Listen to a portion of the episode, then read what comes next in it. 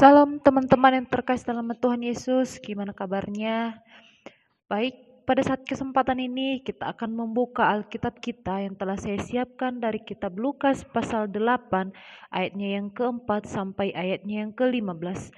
Dan kalau sudah mendapatkannya, saya akan bacakan untuk kita semuanya di bawah judul perikop perumpamaan tentang seorang penabur. Ayat yang keempat, ketika orang banyak berbondong-bondong datang, yaitu orang-orang yang dari kota ke kota menggabungkan diri pada Yesus. Berkatalah ia dalam suatu perumpamaan, adalah seorang penabur keluar untuk menaburkan benihnya. Pada waktu ia menabur, sebagian benih itu jatuh di pinggir jalan, lalu diinjak orang dan burung-burung di udara memakannya sampai habis. Sebagian jatuh di tanah yang berbatu-batu, dan setelah tumbuh ia menjadi kering karena tidak mendapat air. Sebagian lagi jatuh di tengah semak duri dan semak itu tumbuh bersama-sama dan menghimpitnya sampai mati. Dan sebagian jatuh di tanah yang baik dan setelah tumbuh berbuah seratus kali lipat. Setelah berkata demikian, Yesus berseru, Siapa mempunyai telinga untuk mendengar, hendaklah ia mendengar. Murid-muridnya bertanya, murid-muridnya bertanya kepadanya, apa maksud perumpamaan itu? Lalu ia menjawab, Kepadamu diberi karunia untuk mengetahui rahasia kerajaan Allah, tetapi kepada orang-orang lain hal itu diberitakan dalam perumpamaan, supaya sekalipun memandang mereka tidak melihat, dan sekalipun mendengar mereka tidak mengerti. Inilah arti perumpamaan itu, benih itu ialah firman Allah. Yang jatuh di pinggir jalan itu ialah orang yang telah mendengarnya, kemudian datanglah iblis lalu mengambil firman itu dan dari dalam hati mereka supaya mereka jangan percaya dan diselamatkan. Yang jatuh di tanah yang berbatu-batu itu ialah orang yang setelah mendengar firman itu menerimanya dengan gembira, tetapi mereka itu tidak berakar. Mereka percaya sebentar saja dan dalam masa pencobaan mereka murtad. Yang jatuh dalam semak duri ialah orang yang telah mendengar firman itu dan dalam pertumbuhan selanjutnya mereka terhimpit oleh kekhawatiran dan kekayaan dan kenikmatan hidup sehingga mereka tidak menghasilkan buah yang matang. Yang jatuh di tanah yang baik itu ialah orang yang setelah mendengar firman itu menyimpannya dalam hati yang baik dan mengeluarkan buah dalam ketekunan. Baik teman-teman yang terkasih dalam Tuhan Yesus melalui pembacaan kita pada pagi hari ini adapun yang menjadi tema kita adalah orang yang baik menghasilkan buah. Teman-teman terkasih dalam Tuhan Yesus pembacaan kita pada hari ini adalah firman yang diberikan kepada semua orang yang datang dari kota ke kota dan kepada seluruh murid-muridnya yang sudah sekian lama mengikuti Yesus. Meskipun dalam pembacaan kita dikatakan bahwa murid-murid Yesus sendiri tidak mengerti apa arti dari perumpamaan itu.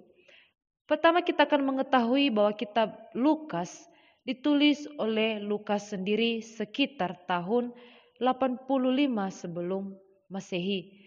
Kitab ini ditunjukkan kepada Theophilus. Jadi teman-teman yang terkasih dalam Tuhan Yesus, ada beberapa poin yang mesti kita pahami dari teks yang kita baca pada pagi hari ini. Yang pertama, ketekunan tidak dimiliki oleh semua orang. Teman-teman yang terkasih dalam Tuhan Yesus berbicara soal ketekunan berarti berbicara tentang kerajinan, kesungguh-sungguhan. Jadi teman-teman, firman yang diberikan kepada semua orang terutama kepada orang-orang yang percaya, tapi ketekunan dalam iman dan firman yang mereka dengar dan percayai tidak tergantung dari pesan yang disampaikan oleh seorang pengkhotbah. Namun dengan kemauan, kesungguhan mereka dalam memberi diri untuk percaya dan mau menerima serta menyimpan dan memelihara firman itu di dalam hatinya. Yang baik menghasilkan buah yang baik dalam ketekunan mereka untuk kebenaran firman Tuhan. Sehingga dia sungguh-sungguh mendengarkan dan percaya serta memelihara kepercayaannya, maka ia akan berbuat baik. Serko semut mencari makanannya dengan tekun di waktu kemarau, sehingga di waktu hujan pun yang lama mereka bertahan dan tetap memiliki bahan makanan sehingga dalam waktu hujan yang lama mereka tidak kelaparan. Teman-teman yang terkasih, kalau kita bawa dalam kehidupan kita sehari-hari yaitu Dalam setiap pekerjaan, usaha yang mulai kita kerjakan, kita harus memiliki sikap yang tekun, rajin, sungguh-sungguh mengerjakannya agar menghasilkan buah yang baik dan kita pun yang menikmati hasil dari kerja keras kita. Apalagi di masa sekarang, banyak anak muda yang di mana cepat putus asa, cepat menyerah ketika mengalami suatu permasalahan dalam suatu usaha hanya. Apakah kita termasuk di dalamnya yang hadir pada pagi hari ini? Yang kedua adalah dengarkan dan simaklah, maka lakukan. Saudara-saudara yang terkasih, mendengarkan ada hal yang sangat mudah untuk dilakukan oleh semua orang. Tetapi menyimak dari apa yang didengar terkadang sulit untuk dilakukan. Saya sendiri ya, sulit untuk kulakukan. Terlebih dalam bertindak atau melakukan sesuatu hal yang baik dari apa yang telah didengar. Terkadang semua orang dan saya sendiri cepat ceroboh dalam bertindak. Apalagi anak muda zaman sekarang ya. Suka gegabah dalam melakukan sesuatu hal. Mereka mendengar tapi tidak menyimaknya langsung bertindak tanpa berpikir apa risikonya. Yang penting dia hebat, yang penting dia kuat, yang penting dia bisa lakukan. Jadi dalam pembacaan kita ini kita diingatkan bahwa orang ketika mendengar firman Tuhan lalu pulang dan iblis datang mengambil firman itu sehingga mereka tidak diselamatkan. Itu diumpamakan seperti benih yang jatuh di pinggir jalan. Karena hanya mendengar tidak menyimak tidak memelihara firman itu sehingga mereka sendiri yang mendengarkan tidak diselamatkan. Bagaimana dengan kita? Termasuk nggak kita? Di sini kita sungguh-sungguh mendengar, eh tiba-tiba keluar lupa. Jadi kita sendiri tidak diselamatkan. Firman aja yang kita dengar hilang sekejap. Teman-teman yang terkasih dalam nama Tuhan Yesus, kalau kita melihat pasir yang dibeli oleh seorang seseorang tetapi dikumpulkan di pinggir jalan ya akan sangat mudah dimainkan oleh anak-anak. Bahkan tanpa diketahui anak-anak ataupun orang dewasa dapat mengambilnya. Ataupun seperti dikatakan pencuri ya. Tapi pas yang dikumpulkan dekat halaman rumah tidak akan mudah dimainkan oleh seorang anak. Ataupun diambil oleh orang lain. Kan kalau kita lihat ya, pasir itu suka dimainkan kan sama anak-anak.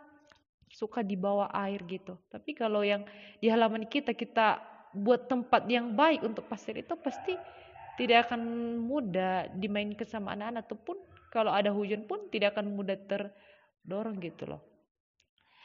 Jadi teman-teman terkasih dalam Tuhan Yesus, dalam kehidupan kita sebagai anak-anak muda adalah dengarkan dulu lah kebenaran firman Tuhannya dan simak apa yang disampaikan. Karena terkadang ya, kalau kita mengerti tidak semua yang disampaikan itu benar, maka perlu kita menyimak terlebih dahulu sehingga dalam bertindak pun tidak ada, tidak ada penyesalan karena sudah memikirkannya terlebih dahulu. Seperti kalau kita memilih tempat pekerjaan atau universitas, harus memperhatikan dulu, mendengarkan semua perkataan orang tentang sebuah pilihan kita, menyimaknya. Benar nggak sih yang disampaikannya? Kita perlu bukti.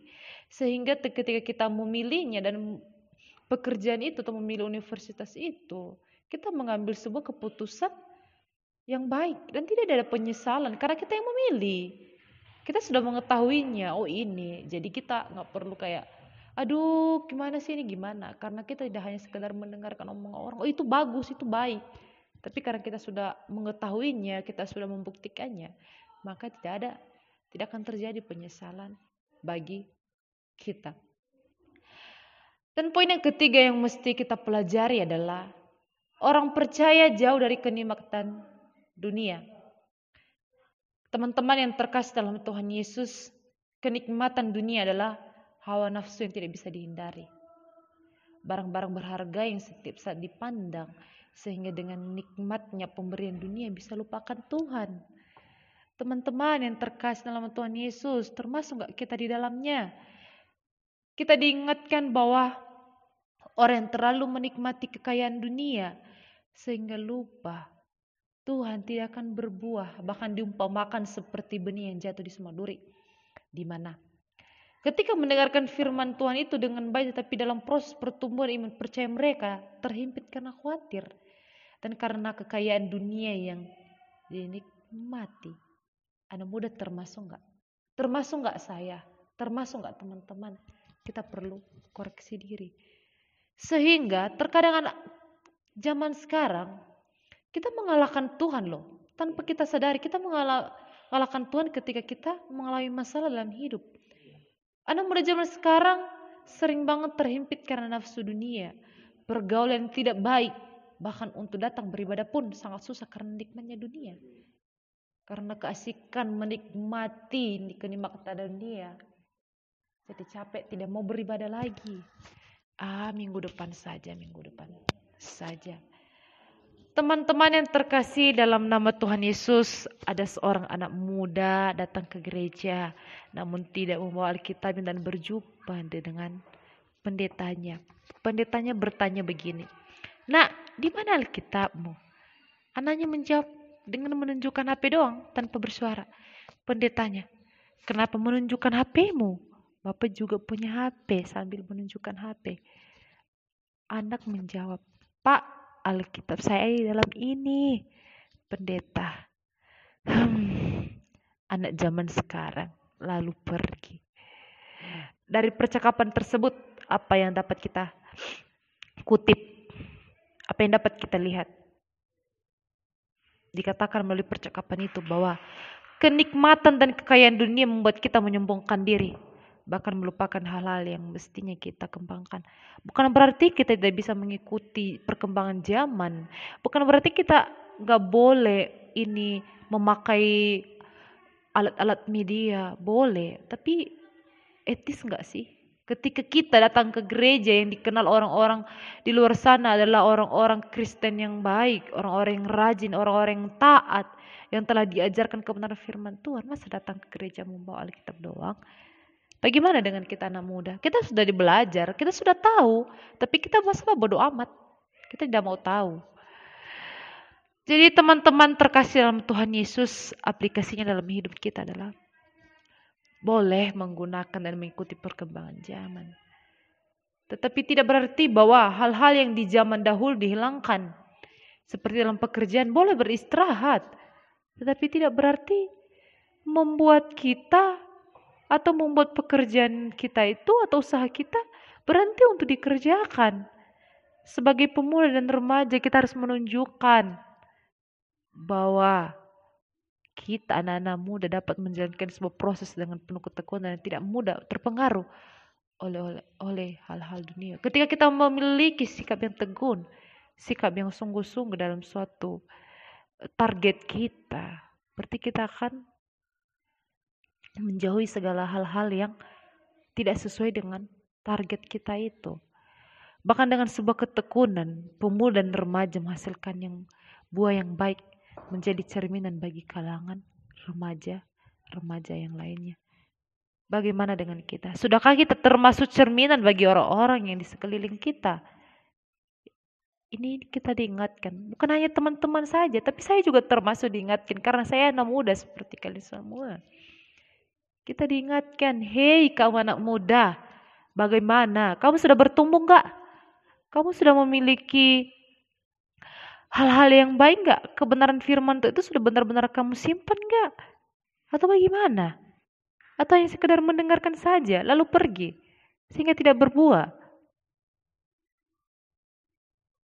Kita pikirkan dalam kehidupan kita masing-masing. Mau nggak kita menjadi teladan? Mau nggak kita cer menjadi cerminan bagi orang-orang di luar sana? Atau sebaliknya, orang yang berbeda, orang yang bertetangga dengan kita yang menjadi cerminan bagi kita. Mereka sungguh-sungguh dalam beribadah, mereka tidak lelah. Lelah kita yang beberapa jam. Kebanyakan anak muda pada malas ya. Hanya berapa jam kok? Paling lama tiga jam. Anak muda ada yang bertahan nggak? Kita bisa melihatnya setiap hari orang-orang yang rajin ke gereja pasti tahu dong. Yang nggak rajin-rajin gitu yang nggak tekun-tekun itu mah bodo amat. Jadi teman-teman yang terkasih dalam Tuhan Yesus sebagai anak-anak muda mari kita bersatu. Mari kita maju menunjukkan bahwa sebuah proses yang kita jalani kita bisa. Hal-hal dunia kita bisa hindari dengan dan kita akan menjadi cerminan bagi pemuda-pemuda. Ya lain sehingga orang melihat inilah ajaran Kristen yang baik. Demikian kebenaran firman Tuhan. Tuhan Yesus memberkati.